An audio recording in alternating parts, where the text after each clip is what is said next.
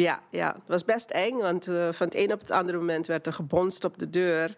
En uh, de honden blaffen. Ja, in Suriname, weet je, je hebt een tuin en de honden die staan beneden in de tuin. Nou, geblaf. Dus dan weet je al dat er iets aan de hand is. En er stonden plotseling allemaal agenten op, uh, op het balkon. Ja, meneer Shinafo moet mee. Nu? werd vastgeketen, dus echt handen op de rug. En ik denk van, wat is dit? Mijn vader met de politie mee? Hoezo? Ik snapte er helemaal niks van.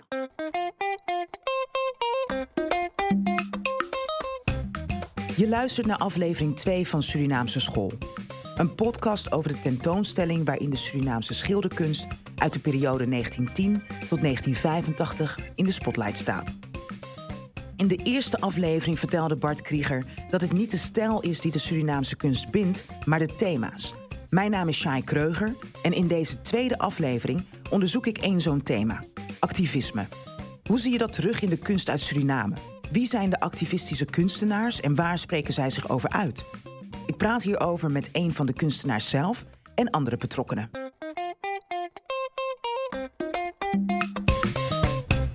Via familieleden hoorde ik over deze tentoonstelling. En ik was tegelijkertijd toevallig zelf naar deze bedovergrootvader op zoek. Uh, ik had via een oude tante werken gekregen, een toneelstuk. En ik ben zelf theatermaker, dus vandaar de interesse.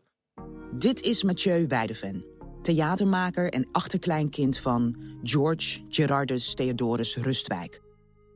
Rustwijk is een van de eerste kunstenaars die je tegenkomt als je de tentoonstelling binnenloopt. Hij leefde van 1862 tot 1914 en was een echte homo universalis. Hij maakte theater, muziek, schreef poëzie, schilderde, fotografeerde en ontwierp decors. Daarnaast was hij ook maatschappelijk betrokken en hield hij zich bezig met sociaal onrecht. Mathieu wist tot voor kort niets van deze bedovergrootvader. Een bezoekje aan zijn oudtante bracht daar verandering in. Toen ben ik eigenlijk bij een oud-tante veel meer tegengekomen. Die had toen allerlei teksten door hem geschreven. Een toneelstuk dat vijf uur duurde. Uh, een mysterieus portret van een komeet die hij had gefotografeerd en geschilderd in Brits-Guyana. En eigenlijk wilde ik daar gewoon alles over weten. Want het, elk feitje wat ik te weten kwam over hem maakte hem nog mysterieuzer eigenlijk. En raadselachtiger. Kun je hem kort omschrijven, je bedovergrootvader? Ik moet meteen eerst denken aan zijn portret. En dat is een best wel serieus portret. En daardoor heeft hij best wel serieuze, mm, ernstige uitstraling. En dat komt ook wel terug in teksten die hij schrijft, die heel maatschappelijk zijn.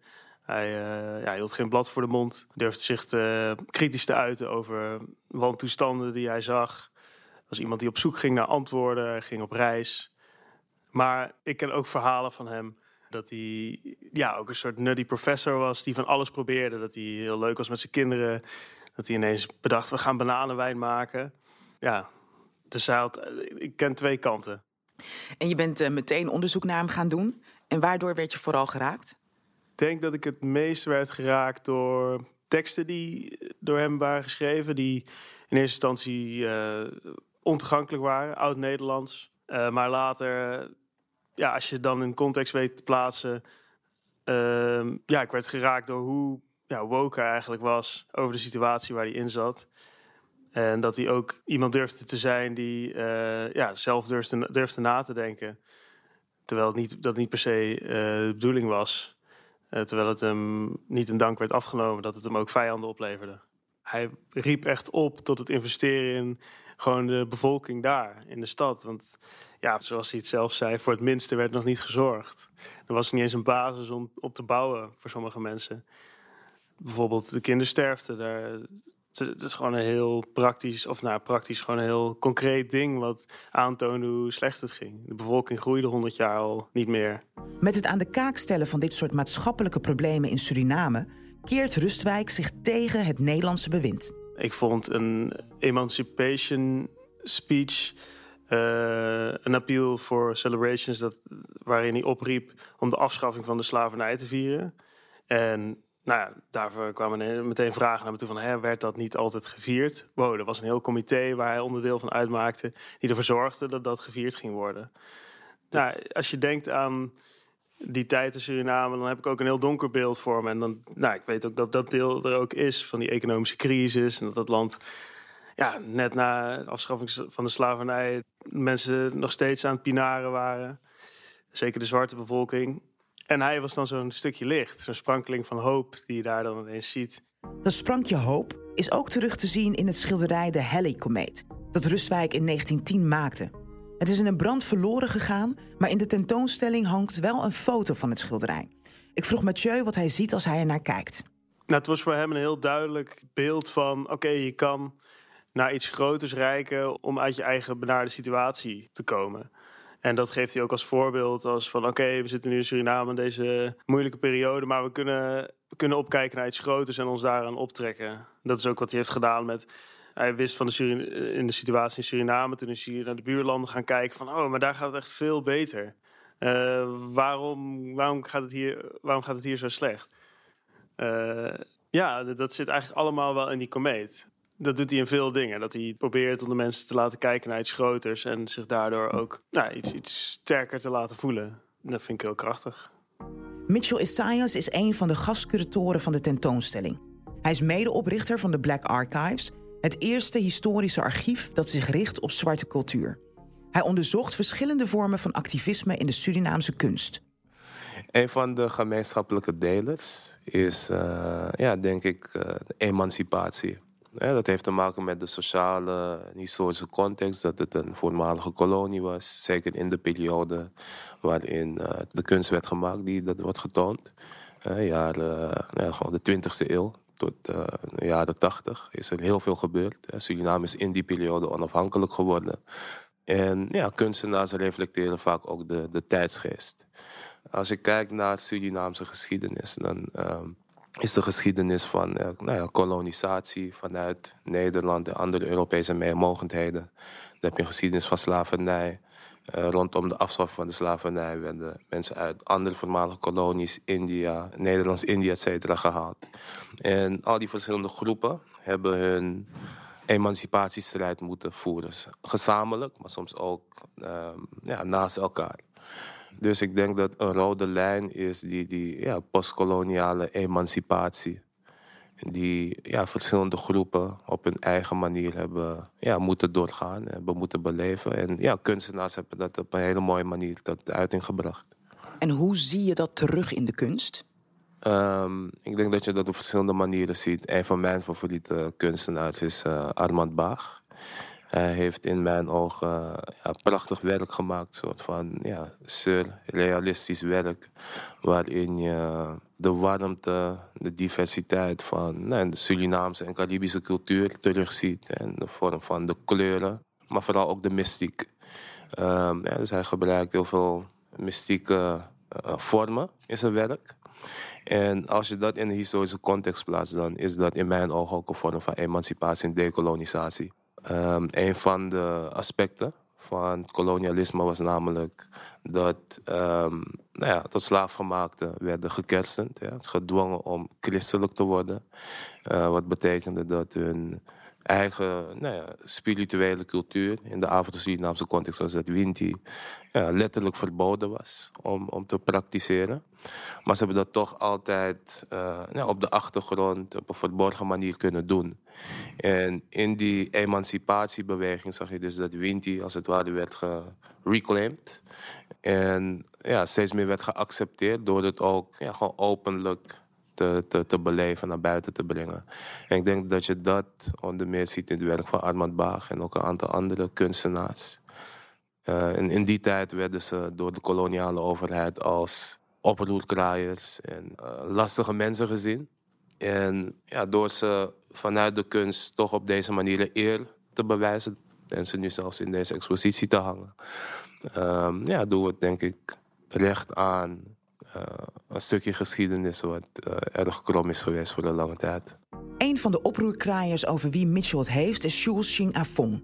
Hij was schilder, dichter, docent en activist. Zijn dochter Sharma Suryusing vertelt dat ondanks zijn drukke leven zijn gezin altijd, hoe dan ook, op de eerste plaats kwam. Ja, mijn vader was thuis voor ja, familieman. Dat in de eerste plaats. Uh, alles ging voor uh, als het op zijn gezin aankwam. Dus echt man, vader van het eerste uur. Als hij buitenlandse tentoonstellingen had, dan moesten we zoveel mogelijk mee. Hij koppelde daarom uh, vooral de vakanties aan een buitenlandse tentoonstelling. En als het even niet anders kon en het moest tijdens schooltijden, dan gingen de boeken mee. En mijn moeder zat zelf in het onderwijs, dus die gaf gewoon les. Maar we moesten er gewoon bij zijn. Dat vond hij belangrijk.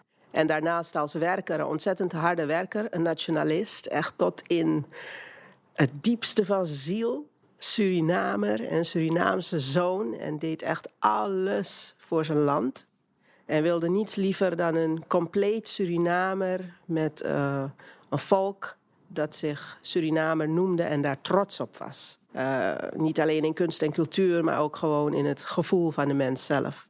Op welke manier zie je zijn, uh, zijn strijd, zijn activistische kant terug in zijn werk?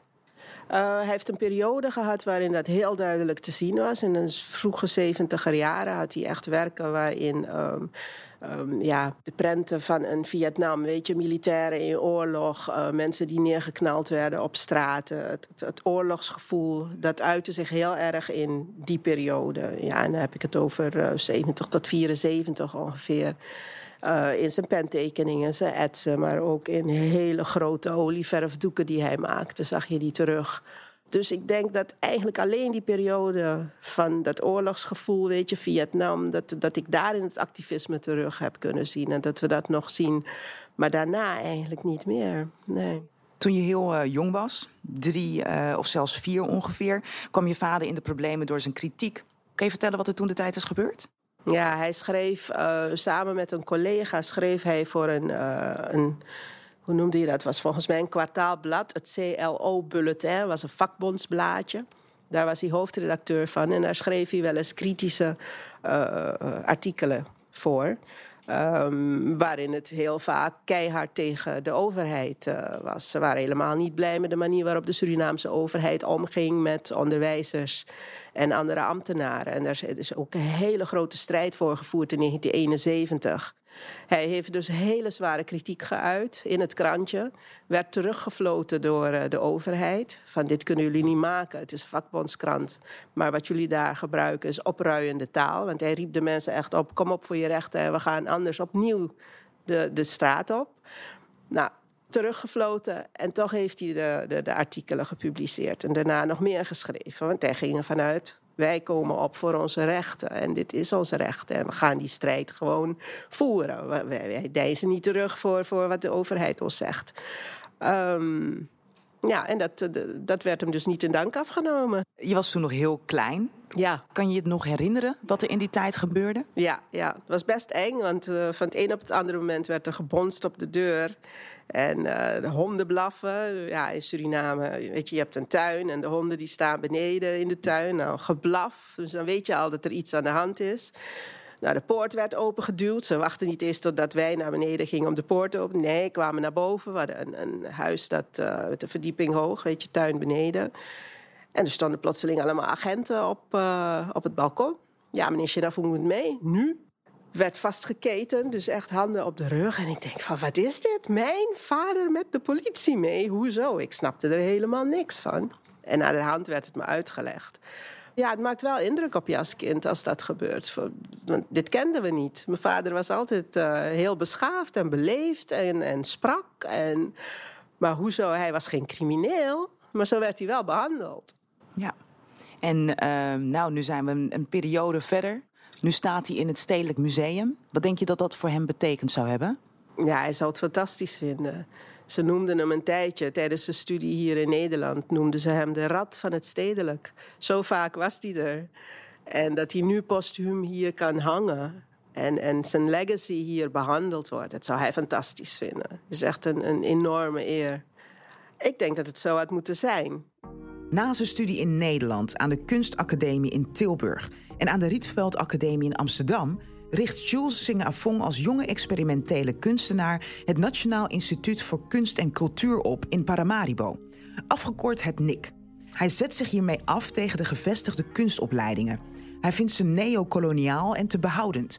Kunstenaar René Tosari behoort tot de eerste lichting NIC-studenten. Nou, René was een van de leerlingen, een van de jonge kunstenaars die zich uh, meldde bij het Nationaal Instituut voor Kunst en Cultuur, wat door mijn vader is opgezet in Paramaribo. En René was echt een van de jonkies van uh, de hechte ploeg van de nikkers. En ze noemden zich de Nikkoekoes. het was echt een, een, het was bijna een clubhuis daar bij het Nik. Ze kwamen en ze leerden wiskunde, tekenen, rekenen en voor alles en nog wat. Maar ze bleven ook bijna slapen. Die jongens waren gewoon helemaal, uh, ja, je kan zeggen verslaafd van de kunst. Maar ze hadden zoveel gemeen. Weet je, die jonge nieuwsgierigheid, dat willen leren. En daar was René uh, Tossari één van. René Tossari wordt gezien als een van Surinames belangrijkste grafische kunstenaars. Hij is een van de weinige makers in de tentoonstelling die nog leven. Ik bel hem op in Suriname en vraag hem naar zijn inspiratiebronnen. De inspiratiebronnen was, uh, was in eerste instantie tijdens mijn Surinaamse studieperiode. Inderdaad, Nafung en andere uh, nationalistische progressieve Surinamers, waarvan ik ook les heb gehad op de academie. En dat, ik kan die namen noemen. Het zijn president Venetiaan bijvoorbeeld, die gaf les bij ons. Uh, dan heb je Rudy de la Fente, Jozef Zoon, Wim Idenhout was ook minister-president geweest. Weet je, dus we zijn helemaal door die mensen geïnspireerd. Maar ook de, de gang in de wereld, hè? dus de, de, die revolutie in, Cuba was, was voor mij echt een, een inspiratiebron geweest en de ontwikkelingen in China met Mao Zedong en zo. Dat was in het echt begin. Dus die dingen, die dingen inspireren jou niet alleen, maar die geven je de moed om in je eigen land eigenlijk uh, dingen te doen die verandering kan teweegbrengen voor land en volk. In zijn werk is goed te zien dat hij verandering teweeg wil brengen. Zo ook op het affiche Libertad, dat hij maakte in 1981.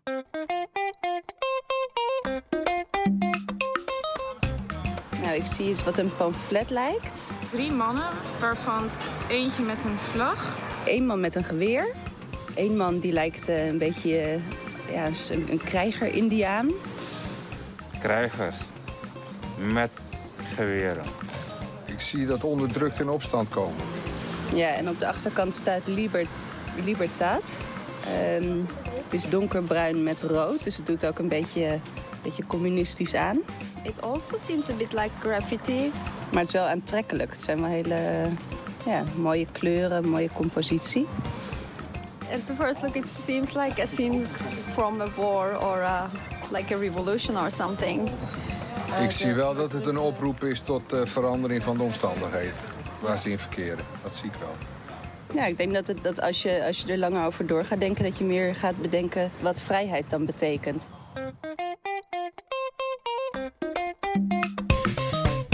Dit affiche is deel van een serie van drie. Over 400 jaar verzet en strijd in Suriname. René Tossari maakte deze serie voor een tentoonstelling in Amsterdam over onrecht en terreur. Hij legt zelf uit wat het verhaal is achter de drie affiches. Kijk, het is een serie van drie. Laat me even alle drie uitleggen, want dan snapt u waarom. Uh, dus de strijd begint met Kaikusi, de Indianen. En dat wordt vervolgd door de weggelopen slaven. Baron, Bonnie en Jolicoeur. En in het midden zie je Anton de Kom.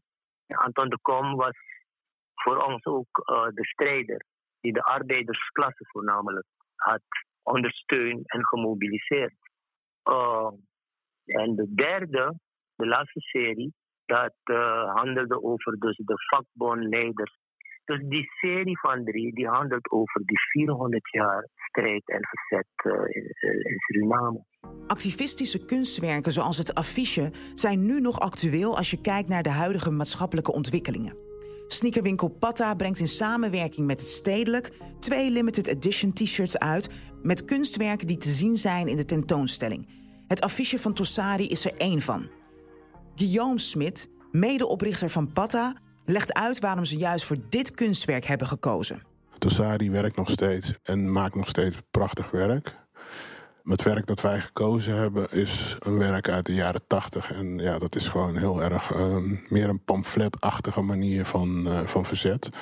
Dus uh, het werk heet 400 jaar verzet en strijd. En is prachtig. En ja, gaat eigenlijk over de fundamenten van, van de strijd. En dat zijn een paar guerrilla-strijders die hij noemt. Kaikousi, Bonnie en Baron. De samenwerking met Patta is opgezet door Ines Blanca van der Scheer.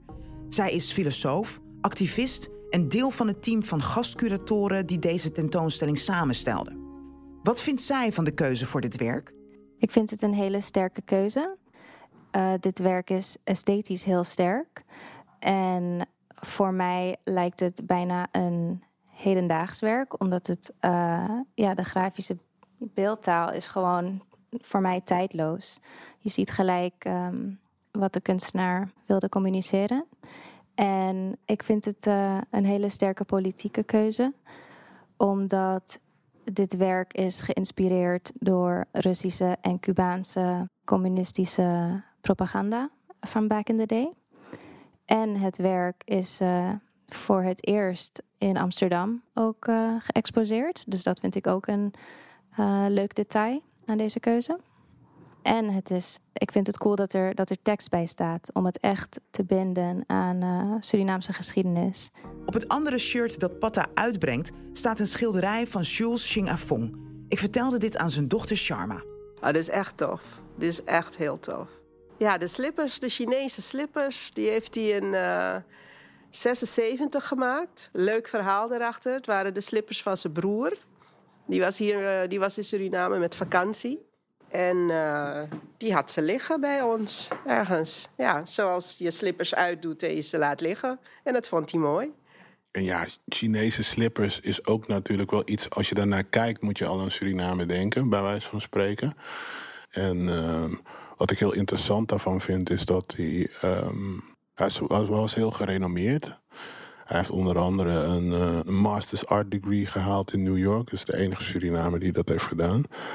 Um, hij heeft hier opleidingen gevolgd, dus hij heeft ook, een, ook wel een westerse invloeden. Maar wat heel bijzonder is, is dat eigenlijk um, zijn prioriteit altijd bij Suriname heeft gelegen. En wat heel opvallend is en waar wij ook wel echt raakvlakken hebben, is dat hij ook uh, met educatie bezig is geweest. Dus hij heeft uh, de eerste Surinaamse kunstopleiding opgezet. Dus eigenlijk een beetje hetzelfde waarom wij Patta zijn begonnen is ook gewoon uit een soort van behoefte.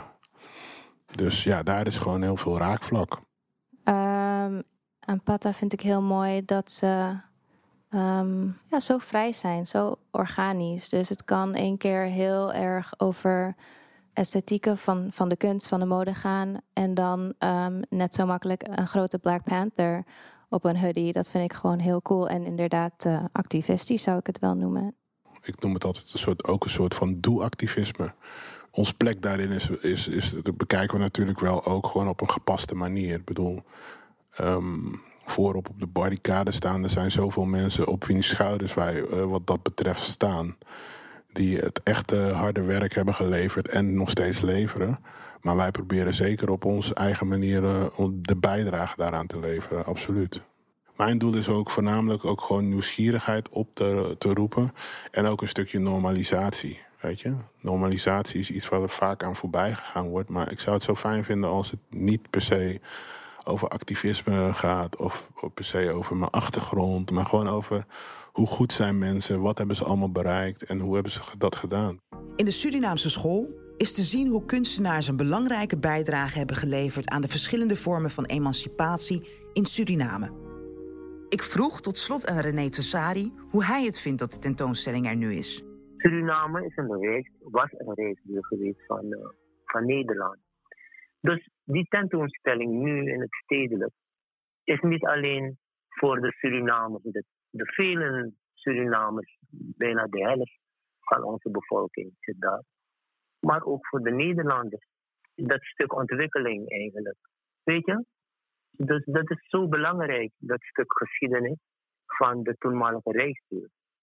Bovendien is Suriname niet, uh, hoe dan ook, niet toch los te zien van, uh, van Nederland vanwege de, uh, onze historische band. waarom het belangrijk ook is waarom die werken gemaakt zijn. Suriname is jong wat geschiedenis betreft. Er is weinig over de juiste historie geschreven over Suriname. En daarom is het nooit voldoende om over Suriname te schrijven. Er is nog veel brakter, op, op dat gebied, echt een brakterrein. Er valt dus nog veel te ontdekken over de Surinaamse geschiedenis. Wat ik van deze aflevering heb geleerd is dat emancipatie een gemene deler is. Veel kunstenaars spreken zich uit over maatschappelijke problemen. Ze doen dit buiten de schilderkunst, maar ook erin, door belangrijke strijders en historische momenten in beeld te brengen. Ook het afbeelden van de eigen spirituele cultuur is een vorm van emancipatie en het verzet tegen de Nederlanders. Mitchell Isaiah stipte dit al even aan. Tot slaafgemaakten werden gedwongen hun religie en geloof los te laten. Toch werden er in het geheim nog tradities en gebruiken van eigen religies voortgezet. In de derde aflevering van deze podcast gaan we dieper in op de verbeelding van spiritualiteit en religie. Wil je meer weten over de kunstwerken en de tentoonstelling? Ga dan naar www.stedelijk.nl.